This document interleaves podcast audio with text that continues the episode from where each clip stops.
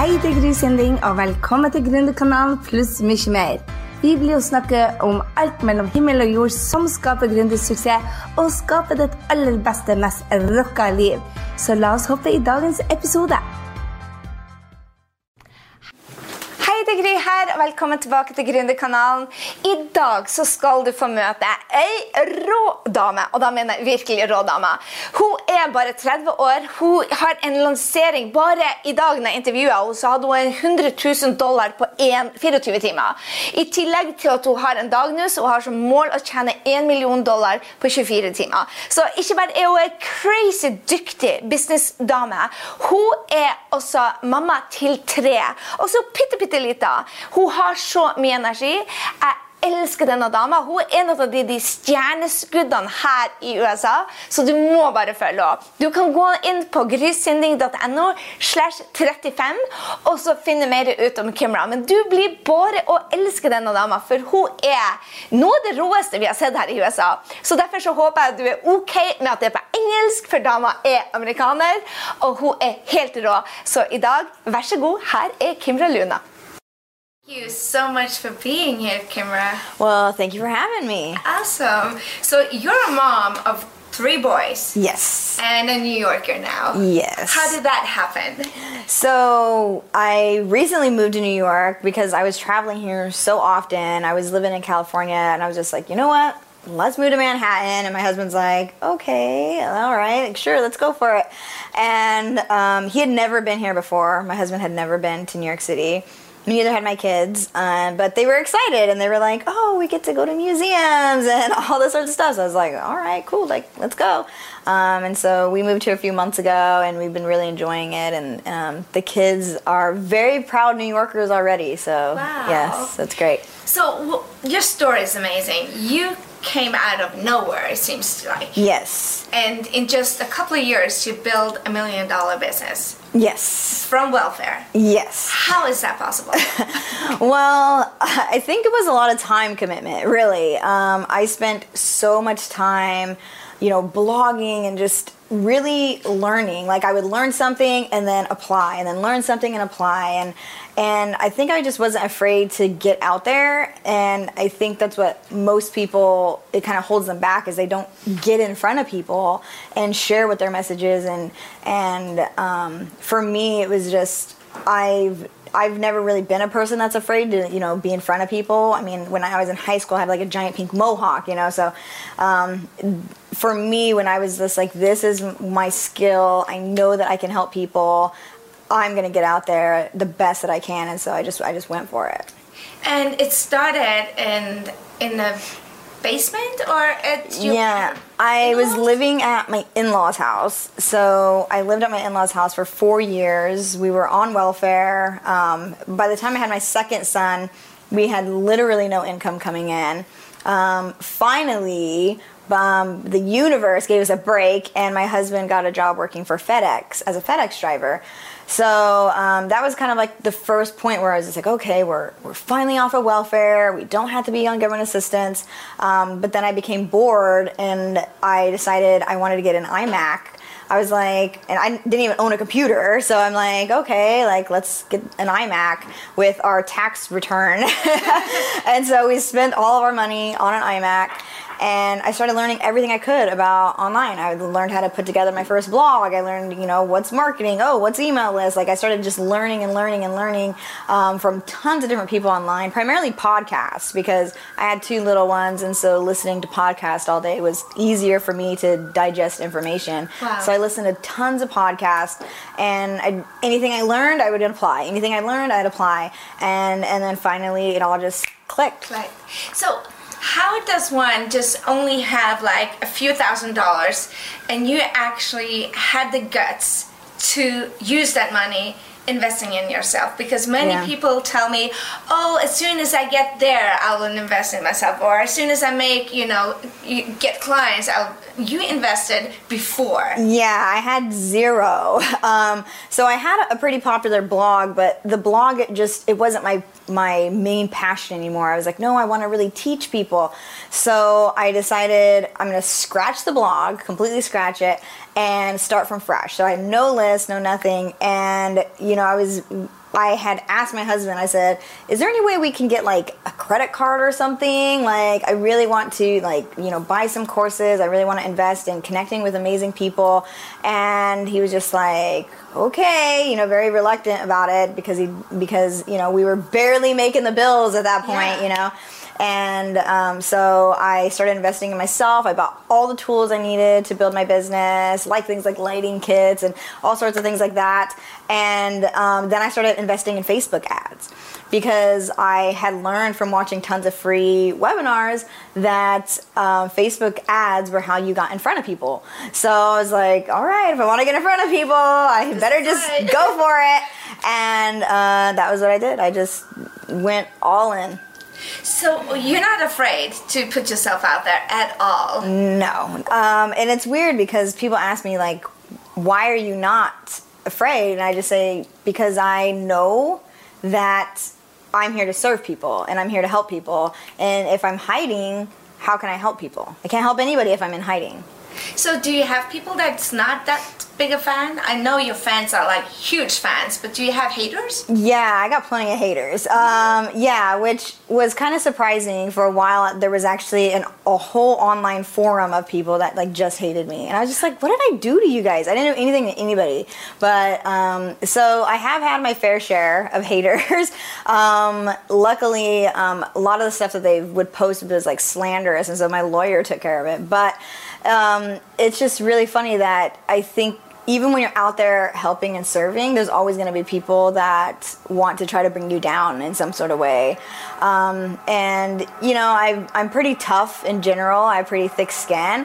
There's been a few times where it's hurt, where it's like someone was like your friend, and then like Yeah. you know goes goes and like basically kind of turns against you and you're just like i was your friend like three days ago and now you, all of a sudden you hate me um, and that has happened to me um, and i think it's partly because i was able to grow my business so quickly and um, maybe they felt hurt about that or maybe because they weren't going as fast as me i don't know what it was but i've But had you- people just all of a sudden just turn on me it's But weird how do you deal with that? How do you get back on your horse and start serving again? I just focus on the people I'm serving. I just Yeah. focus on my email list. I focus on my followers, and I'm just like, how can I help you guys today? And I just keep keep focusing on that. And you know, I do get you know letters in the mail from people like thanking me for things, and so I have a wall in my office where I taped up all the letters and stuff. And so if I have a bunch of haters, I just go and I read the letters um, because that helps remind me like why I'm here doing this, so that I'm not giving up or letting those haters bring me down because I know I have a much bigger purpose here. How do you know that? I've always known it. Um, since I was very, very young, um, I always knew that I wanted to to help people all around the world. And even when I was in high school, I um, had told the counselor at school and that I just wanted to help people, and they were like, "But that's not a job," and I'm just like. But I want to just help people, you know, like and There must be a job. There, it, there, yeah, I'll make it a job if I have to, and that's and so it's really interesting because they kept telling me that wasn't a job, but now I, you know, I have a full living doing that, serving people, sharing my knowledge, and you know, giving and being the being the best that I can for other people. You have an, an amazing crowd. I love your Facebook groups. They are just super fans. Yes. How do you get super fans like that? Yeah, so super fans, I think, I mean, in the online space, there's a lot of people, especially I think over probably the past 10 years, because I started researching, like, you know, how marketing has been and all the shifts and changes that have happened. And now it's all about being authentic, being yourself, and just really serving and over delivering all the time. You know, an audience doesn't like it when someone's trying to just be skeezy or trying to fear them into making a purchase and all that stuff I feel is just falling by the wayside because all the people that are being really authentic and genuine with people and just wanting to serve, they are the ones that are rising to the top. And um, you can see that pr- pretty clearly in, in the industry. So, um, it, you know, for me, it's just, I was really willing to just keep giving and keep giving and then hope that it paid off and it has and the more i give the more my audience raves about me. Even people who don't buy my programs or they're the one they're still sharing they're still tweeting all my stuff they're still posting all over facebook about me they're still telling their friends about me they're still t- telling their friends to hey join this group that this chick kimra she's cool go join her group you know? So even though some of those people, not every single person is going to purchase products from me, that's like not my end goal. My end goal is just to help and inspire as many people as I possibly can. And you do that. I love your group, and they are so helpful. I mean, Yes. there's like not. It's not. Nobody's afraid of giving. It's like No. not holding back. You guys are just sharing. How Yes. do you put them? So we all have a shit in our life. Uh, Yeah. how do you put the the private part and the authentic part? How do you deal with that? I mean, you don't Yeah. put out when you and your husband are fighting, and I guess you are as anyone else. Yeah. So it's one of those things where. Yeah, they're kind of like a fine balance because a lot of people they'll say, "Oh, well, this is like my authentic post," and they'll post all this stuff that's going on wrong in their life, and I'm just like, but what was so authentic about that? Like there was no lesson learned. And so I always tell people I'm like if you have something to share and you do want to be open up a bit or be a little bit vulnerable, make sure there's a lesson in there. You know, what can people take away from that experience? Because sometimes you might be going through a bunch of crap, but and in the end there's there's a lesson to learn at the end of it. So um, so there's a kind of a fine balance. There's sometimes a few posts where i'm just like that was not helpful at all um, for me to read. Um, but i think most people they're kind of figuring it out on their own. Just you know you could kind of test the waters you know. If if people are kind of more feeling sorry for you then it probably wasn't the right type of post. No. but if they're feeling like, wow, that's really inspiring, you know, I went through the same thing and I'm glad you shared your story because now I know I can do it too. Um, that sort of stuff is is is much much better energy, I guess you can say. I love that. So, what are you teaching your people now? What's the What's the teaching of Kimra right now? So right now, I pri- primarily work with people who are growing personal brands or who, you know, like service-based providers, people selling digital online courses, and um, like right now, actually, I have a big launch coming up right now. But um, I ha- I'm doing a lot of stuff teaching course creation, teaching like kind of the foundations of branding and what it really is to have a brand. Because most people think a brand is oh, just like a pretty logo or you know a good headline or, Or blue something. hair. Yes, or my blue hair. Um, but it's more than that. It's the experience that the users have. It's like how they feel when they're landing on your website. Are they comfortable there? Do they do they want to you know, do they feel that you're approachable and they can connect with you? Um, and are you relatable? That's like a really, really huge part of having an online brand. And I think a lot of people who teach branding, they kind of miss out on that. They just showing people, oh, how to make pretty graphics um, or make your site look pretty doesn't necessarily mean the customer experience is what matters. And there's a quote from uh, Jeff Bezos, the founder of Amazon, and he says that your brand is what people say about you when you leave the room.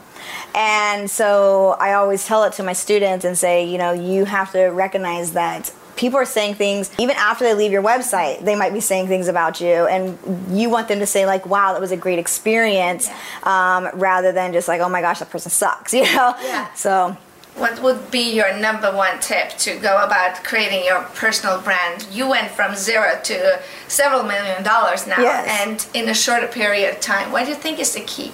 what am I great at? Like, what do I do that's really, really well? And then once you have the answer to that, you think, oh, well, is there a way I can actually make this into a business and make it something where I can serve people or create a product or, or something like that? What's your biggest strengths?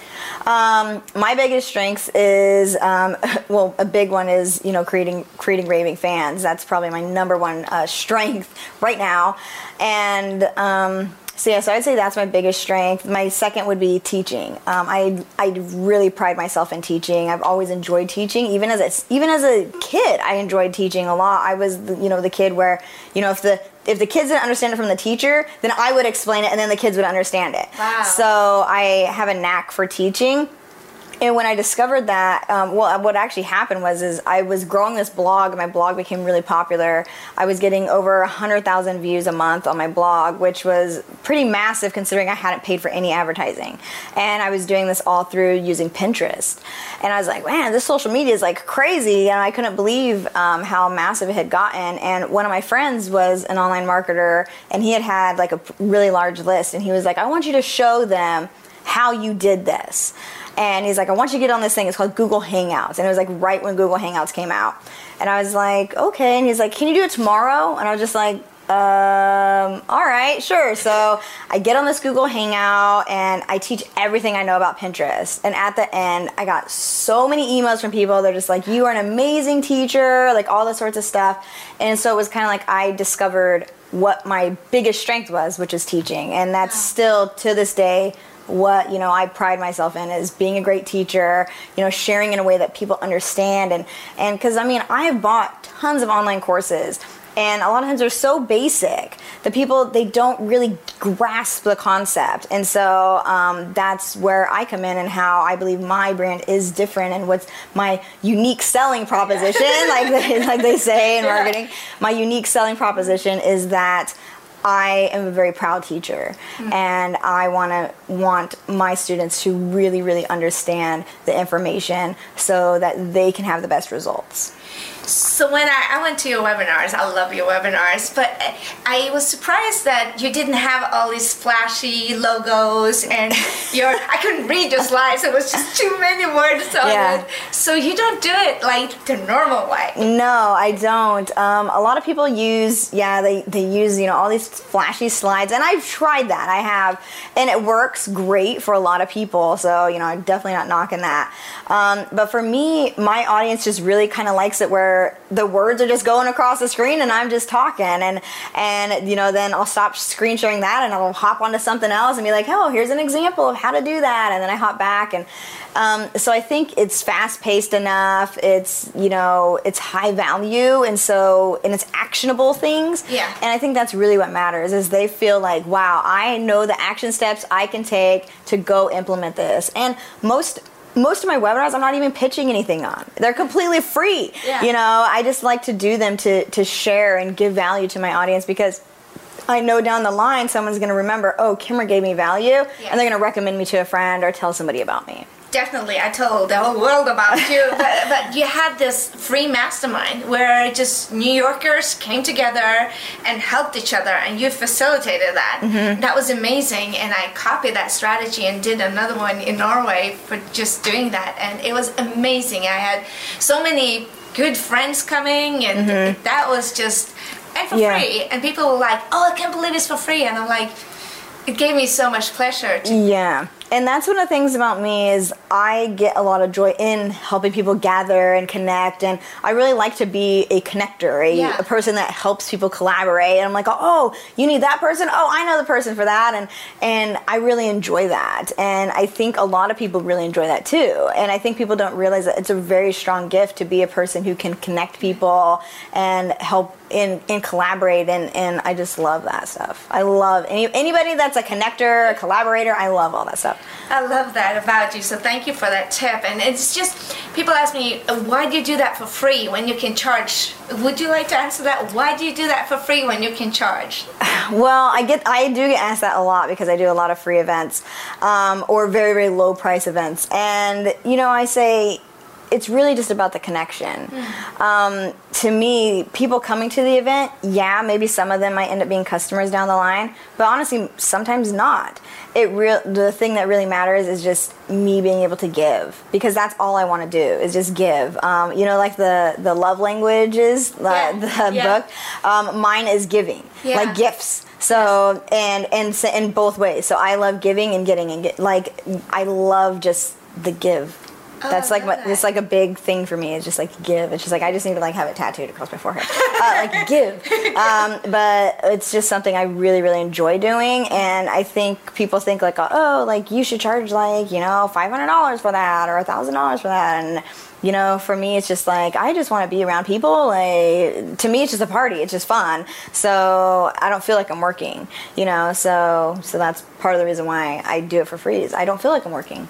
Amazing. So you are having a big launch right now. Yes. Your family just starting, you know, moving to New York. Yes. You have a huge launch and a birthday party coming up. And I was like, and three kids. Yes. Like tiny kids. Yes. How do you do it all? I just don't get it. Yeah, well, now I have a team helping me. I have a nanny and I have, you know, assistants and things like that. But before I didn't have that. You know, I was, my husband worked 10 hours a day. So anything I did for my business, I had to do in the evenings or on weekends. And so Saturdays were like my hardcore day of like working. And my husband would just take the kids out of the house. They'd go to the park for hours. And I would just, you know, be at home and just work, work, work. Um, but now I do have a team helping me. I have about 14 team members now total. So with designers and all sorts of stuff.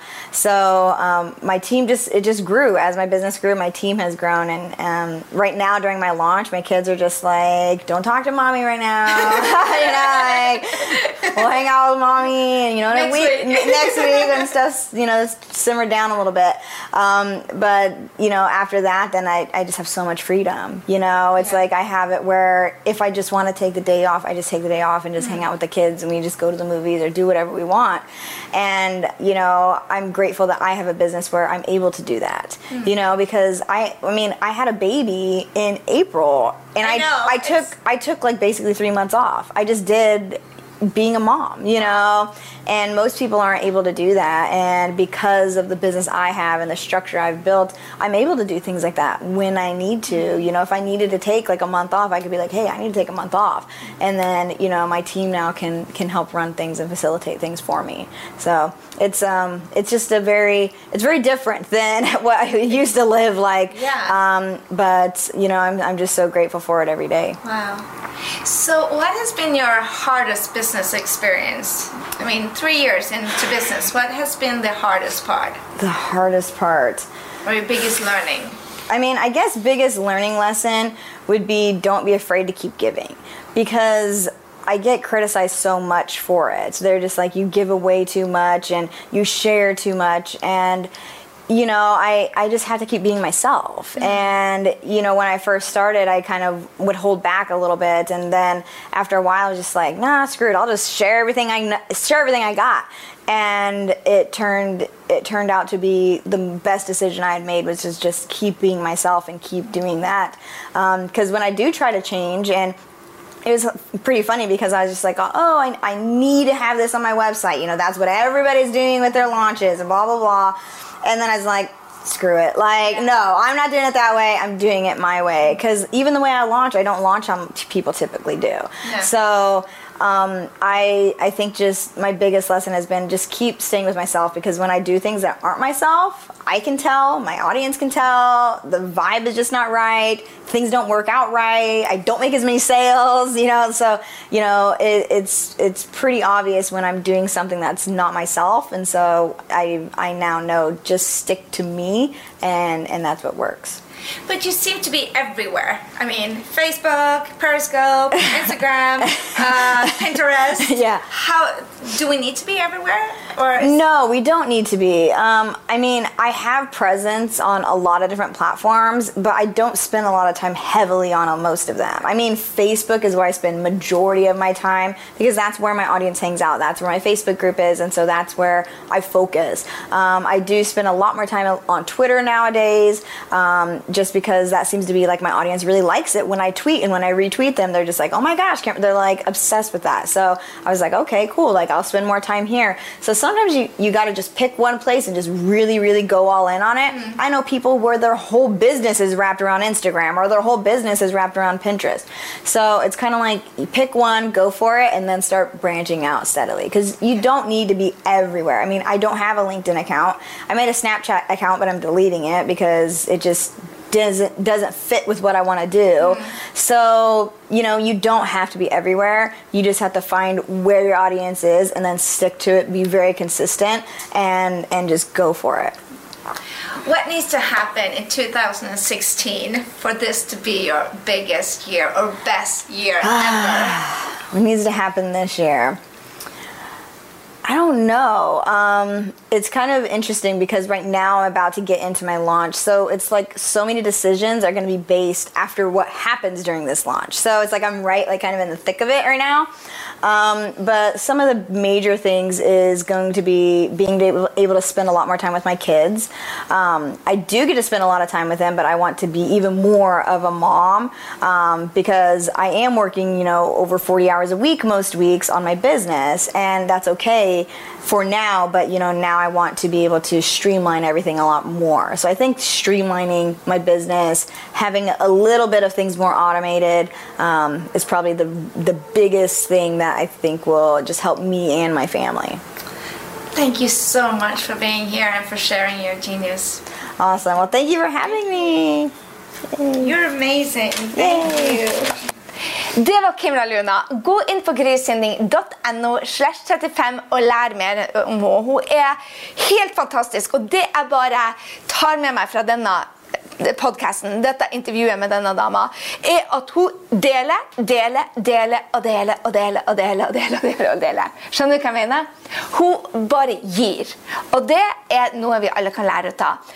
Hva er det du tok med deg? Del gjerne med meg under kommentarfeltet på grysynding.no slash 35, og hør hva er det du tok med deg. Del med oss hva du tok med deg fra denne podkasten.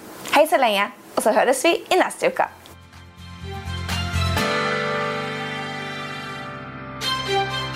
Jeg håper du ble superinspirert til å ta nye action etter denne episoden av Gründerkanalen pluss mye mer. Gå nå til grysynding.no og legg igjen en kommentar på denne episoden om hva du tar med deg. Jeg vil gjerne høre fra deg. Og få mer gründertrening på skapdindrømmejobb.no. Glem heller ikke å abonnere, sånn at vi treffes neste gang på Gründerkanalen pluss mye mer.